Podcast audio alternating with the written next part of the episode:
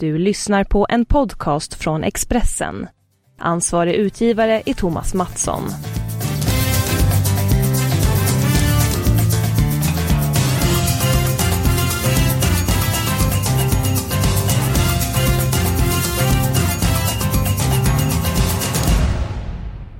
Är muntra miner i Expressens podd Avspark. Anledningen är enkel.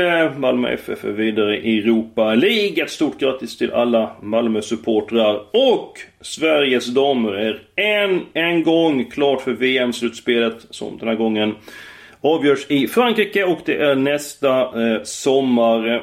Magnus, eh, de här bedrifterna, om vi börjar med damerna. Hur pass stora är de?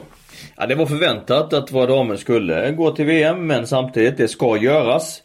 Eh, och efter den här poängförlusten som blev eh, i Lviv mot Ukraina så, så var vi ju tvungna att, eh, att ta poäng igår. Det klarade vi. Det var jättehärligt. Åttonde mästerskapet i rad. Så att, ja, jag ser fram emot sommaren i Frankrike. Mm, det gör även jag och eh, många med oss. Eh, och det var ju dramatik. Eh, Bortamatchen mot Danmark. Oavgjort räckte. Sverige vann med 1-0. Vad säger du om insatsen? Till att börja med så är det lite lurigt att spela på ett oavgjort resultat. Eh, gedigen insats av Sverige. Taktiskt väl genomförd. Peter Gerhardsson och Magnus Wickman hade lagt dragit upp de taktiska riktlinjerna på ett väldigt klokt sätt. Spelarna var väl förtrogna med det och kunde genomföra det på ett, på ett stabilt och bra sätt. Okej okay, första halvlek och en riktigt bra andra halvlek tycker jag. Ja, vilka spelarna var mest framträdande? Ja det här är ett, det har liksom med tiden blivit ett rätt gediget lag. Vi har en väldigt stabil målvakt som höll nollan igår, Hedvig Lindahl. Vi har tre mittbackar, Sverige spelar ju 3-4-3. Mittbackarna med Magdalena Eriksson, Linda Sembrant och Nilla Fischer är ju, är ju väldigt tuffa att möta och starka defensiv och dessutom kan spela en passning framåt också när det behövs. Caroline Seger, vår evighetsmaskin centralt på mitten. Eh, länken upp till Kosovo Raslani som spelar lite mer som nummer 10. Och så har vi ju de här kantforwardsen som är våra djupledsforwards med Stina Blackstenius och Sofia Jakobsson som, som är vassa djupled. Det var ju sånt mål vi fick igår. Kosovo Aslanis passning till Svea Jakobsson som löpte sig fri och satte den i bort och avgjorde matchen. Nu nämnde du 9 av 11 spelare där. Eh, jag frågar vilka som var eh, nyckelspelare. Eh, men vad, vilka blir extra betydelsefulla när det är VM i Frankrike? Jag tror jag, jag får säga då Eskil, att anledningen till att jag nämnde så många är att Sverige verkligen är ett lag. Ett kollektiv alltså? Det är ett starkt kollektiv och och förbundskaptenen har fått in en väldigt härlig stämning och moral i det här laget. De verkar må väldigt bra tillsammans, precis som svenska herrlandslaget. Så att eh, jag tycker dock att det är jätteviktigt att eh, en spelare som Caroline Seger är fortsatt är så eh, pigg och, och hungrig och så bra för det här laget. För hon, eh, hon är så viktig från sin centrala mittfältsroll genom sin kommunikation och sin, sin förmåga att få andra att jobba väldigt hårt och tillsammans med henne. Nej, jag håller henne väldigt, väldigt högt. Mm. Vilken skillnad är det på Sverige nu eh, under Peter Gerhardssons ledning jämfört med när eh, Pia Sundhage är tränare i laget? Ja, man har gjort några, några taktiska förändringar. Man var ju bra under, under Pia också. Eh, jag tycker att man har utvecklat sin, eh, sin offensiv med sitt eh, 3-4-3 system. Man har blivit bättre i djupled. Eh, genom att man använder Stina Blackstenius och eh, Sofia Jakobsson som de här yttre djupledsforwardsen som man gärna kan ha i ett, eh, i 3-4-3. Det tycker jag har gett liksom en, eh, en, eh, en skjuts till på det svenska spelet.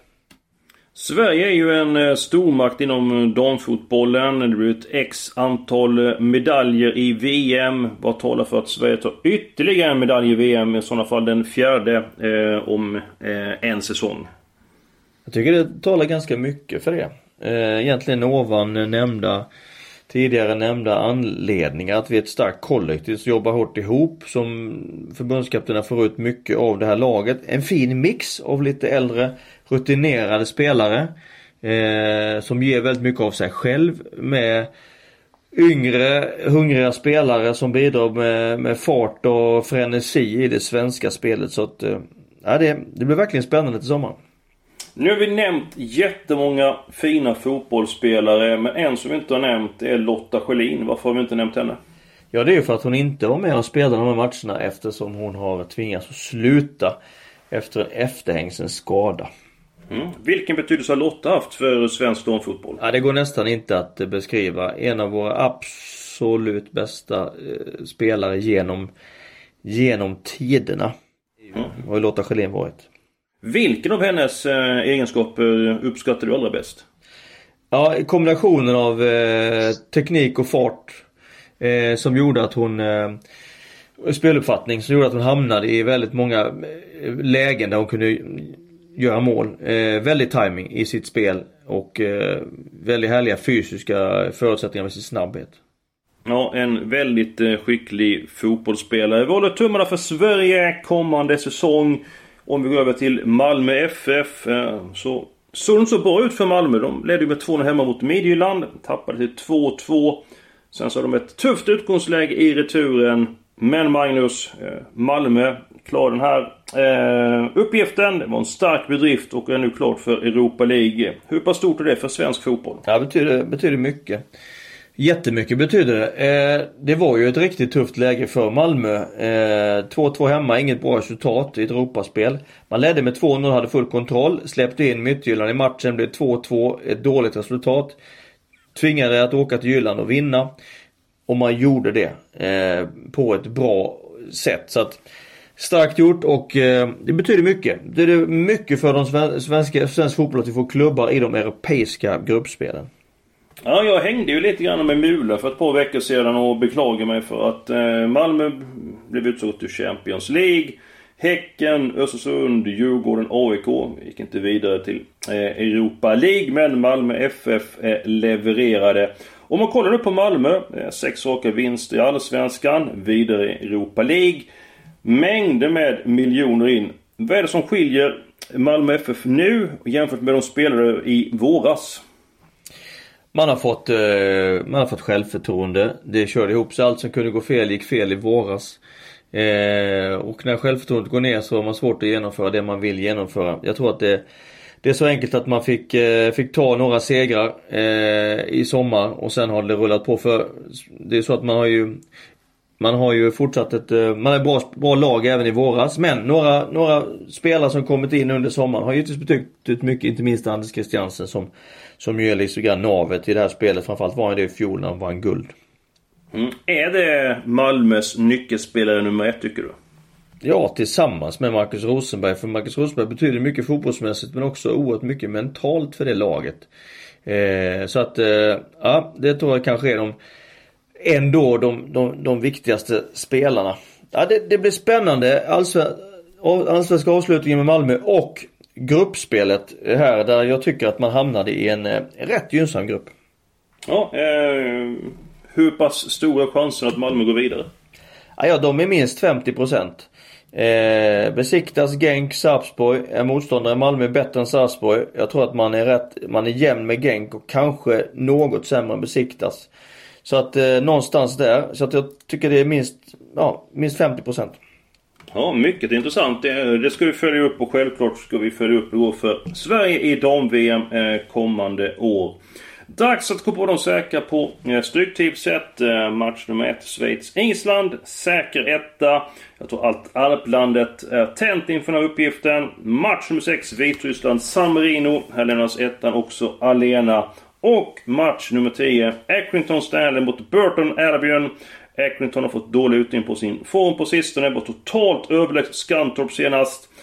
Tre poäng borde det blivit men det blev endast en. Till helgen tror jag att det blir full pott. Det är inte vanliga lag som är på Stryktipset den här veckan. Det är både matcher från division 1 norra, södra, superettan, League 1. Dock är inte Sunderland med. Och Nations League.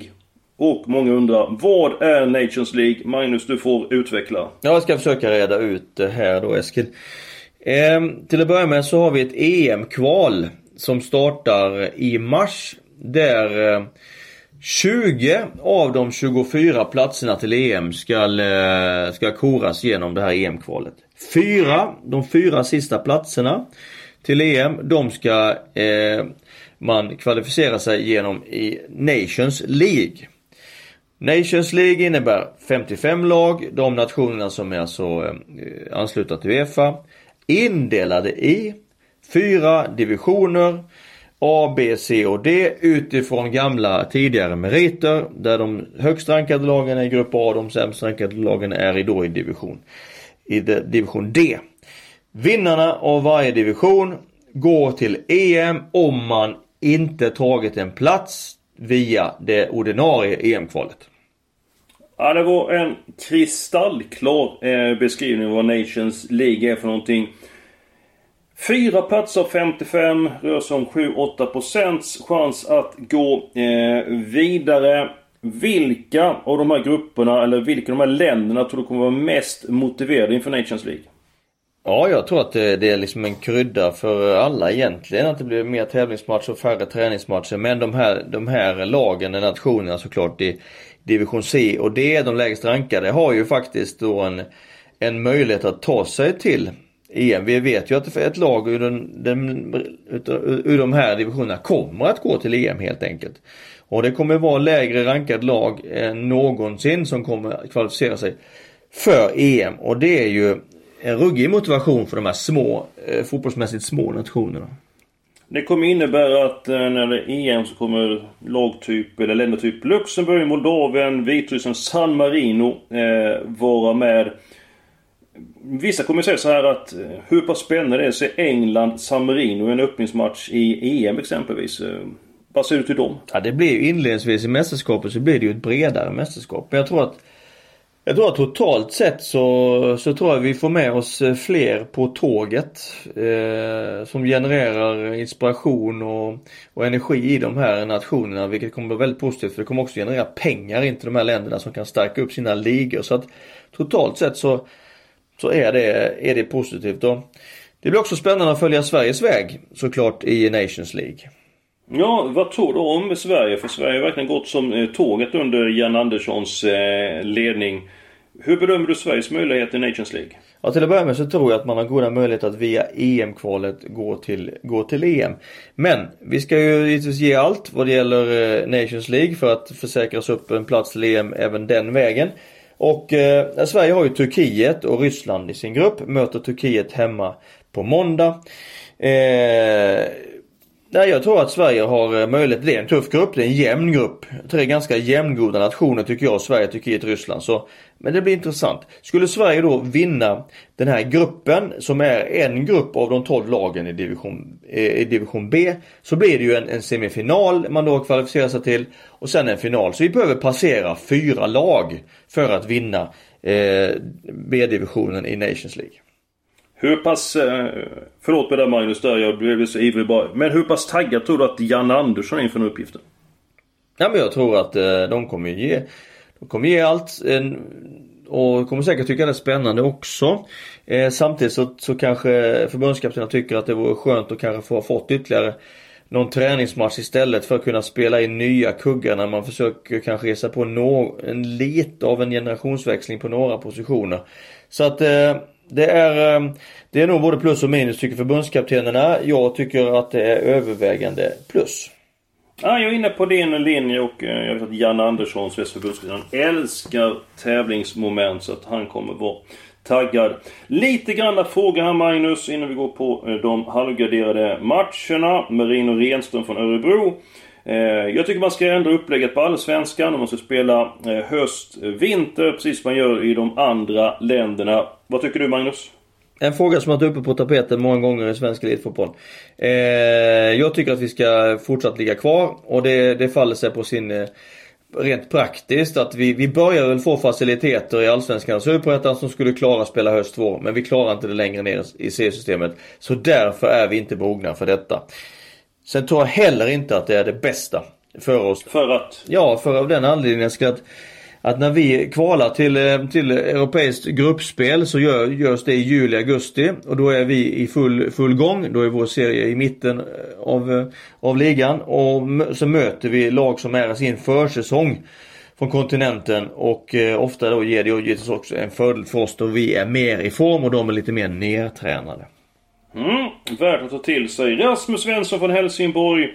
Hur bra har det Helsingborg klarat sig i Allsvenskan? Då kan jag bara vara tydlig med att säga att Helsingborg de leder Superettan med 47 poäng. En poäng för eh, Falkenberg. Hur hade de klarat sig i Allsvenskan, Magnus? Ganska bra. Eh... Mellandag? Ja, placering eh, 8 till 12. Eh, då har de klart kontraktet med andra ord. Jag tar de halvgraderade matcherna så ska vi snart gå tillbaka med ytterligare frågor. Tack så mycket för alla frågor för övrigt. Eh, fortsätt att mejla in eskil.hellberg.expressen.se Match nummer två, England-Spanien. Ett kryss där. Eh, England visar prima takter under fotbolls-VM. Får ge sig mot Kroatien. Jag ser ut Sverige, tyvärr, men jag tror att man har... Eh, men jag tror inte man förlorar mot Spanien. Spanien eh, har ju tappat ett par nyckelspelare. Iniesta, Silva och så vidare. Piqué de slutar i landslaget. Ett kryss för mig i den matchen. Match nummer 9. Utsikten Oskarshamn. Eh, Utsikten har gott om skador, gott om skavanker och även fall Oskarshamn brukar svårt mot Utsikten så att eh, man tar minst en poäng i den matchen. Match nummer 12, Charlton Wycamp. Eh, ett kryss där. Eh, jag tror inte att Charlton eh, förlorar. En fråga till dig Magnus från Magnus Rundström i Örnsköldsvik tror jag det ska stå där. Jag lyssnade på podden förra veckan. Jag tackar för tipset på AIK. Hur hade det gått i den matchen om Häcken hade spelat 3-4 raka matcher på konstgräs, eller på vanligt gräs? Eh, när man åkte och mötte AIK på bortaplan. Eh, det var ju så att Häcken hade ju vunnit jättemånga matcher. Jag tror de hade 18 på de fyra senaste, men det var ju på konstgräs. Hade Häcken haft stor fördel att spela ett par matcher på vanligt naturgräs inför mötet mot AIK, Magnus? Ja, det tror jag. Eh, absolut. Underlag spelar roll och eh, vanan av underlag har absolut en stor betydelse. Så ja, jag tror att Häcken hade, hade bjudit AIK ett eh, klart tuffare motstånd om matchen om de hade fått spela några matcher på gräs innan. Ja, eh, bra där. Eh, AK spelade fantastiskt bra. Nu har jag talat om många roliga saker. Nu ska jag tala om en sak som är väldigt tråkig. Det var ju väldigt tråkiga scener mellan Hammarby och Djurgården. En eh, kollega till mig, en pressfotograf, fick en stol i huvudet. Bengaler kastades in. Erik Westberg, som är sportchef för Simo, han gick ut och sa Nu räcker det ett pressmeddelande. Och nu framöver kommer inte Seymour ha någon eh, studio eh, eller folk på plats i samband med eh, matcherna på Tele2 Arena. Hur tycker du att de har agerat i det här fallet Magnus? Jag tycker att de har gjort eh, De har gjort eh, rätt som har eh, Man måste ju ha en eh, försäkra sig om att det är en arbetsmiljö för sina anställda som i det här fallet då personalen på, eh, på Seymour som står och gör en ringside studio som ju upplevde det, stämningen som mycket hotfull och svår och har egentligen upplevt det en, en tid tillbaka också på Tele2. Så att, eh, jag tycker att man, ja, man gör rätt. Nu ska du få en väldigt svår fråga här. Eh, som inte går. Men vems ansvar är det att det är så dålig stämning, att det är hetsk stämning runt folk som är där för att göra sitt jobb? Vems ansvar, vem vilar ansvaret på? Ja du. Eh, först och främst så är det ju individerna som, som gör dem, utför de här sakerna. Eh, sen är det givetvis, det är ett väldig samverkan. Det är klubbar och det är polis. Och kanske inte minst lagstiftning. Ja, jag, jag säger så att jag blev förbannad för jag vill att eh, man ska kunna gå och se på fotboll, ska kunna vara tryggt och så vidare. Har du något förslag på vad man kan göra för att säkerheten ska bli bättre? Ja, jag tror att vi behöver eh, ändra lagstiftningen. Vi behöver strängare straff för de här eh, idioterna som eh, genomför eh, de här, eh, de här grejerna och kastar in bengaler som nu på familjeläktaren, kastar stolar, skapar hotfull stämning på arenan. Allsvenskan i fotboll enligt mig är det finaste vi har i svensk idrott. De som gör våld på det måste i måste absolut lagföras och, då, och de förstör den festen vi har med allsvensk fotboll. Och stränga straff krävs. Vi har exempel när man hade problem, eh, supporterproblem och problem inne på arenorna på 70, 80 och 90-talet i England. Man, man gjorde om lagstiftningen, skapade mycket tuffare, och strängare straff, stängde av fler och eh, det blev en kraftig upprensning i det träsket och en kraftig förbättring. Jag håller med dig. Strängare straff och rött kort till de idioter som fördärvar vår underbara sport eh, fotboll. Det ska vara en glädje att vara på matcherna, det ska vara härlig atmosfär på matcherna och man ska kunna gå dit utan att riskera någonting. Jag hoppas att eh, vi får eh, sluta läsa de här incidenterna i svensk fotboll. Det ska vara ren och sann glädje. Det ska också vara glädje att eh, vara med på Stryktipset i helgen. Förhoppningsvis har vi fått ihop en bra rad. Jag ska ta de helgardera matcherna här i slutet. Match nummer 3 Finland-Ungern. Nations League. Viktig match direkt. Det får bli alla tecken. Match nummer 12 Blackpool-Bradford. Svår match för mig. Alla tecken även där. Match nummer 13 Doncaster mot Luton. Jag får inte grepp om den här matchen. Supersvår match. Bli alla tecken även i match nummer eh, 13. Magnus, vet vad vi ska göra nu? Ja, jag tror att det är dags att runda av det här programmet för den här gången. Helt rätt! Och vi håller tummarna för Sverige för ett lyckat eh, spel och framgång i Nations League. Nästa vecka är vi tillbaka. Maila in frågor. Jag upprepar adressen eskil.hellberg expressen.se Och om ni vill så kan ni lyssna på oss även kommande vecka.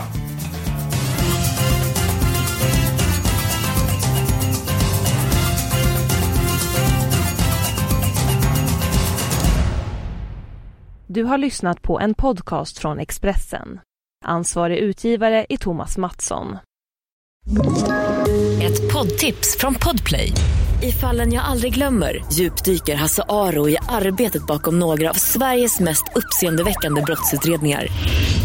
Går vi in med hemlig telefonavlyssning och, och då upplever vi att vi får en total förändring av hans beteende. Vad är det som händer nu? Vem är det som läcker? Och så säger han att jag är kriminell, jag har varit kriminell i hela mitt liv men att mörda ett barn, där går min gräns. Nya säsongen av Fallen jag aldrig glömmer på Podplay.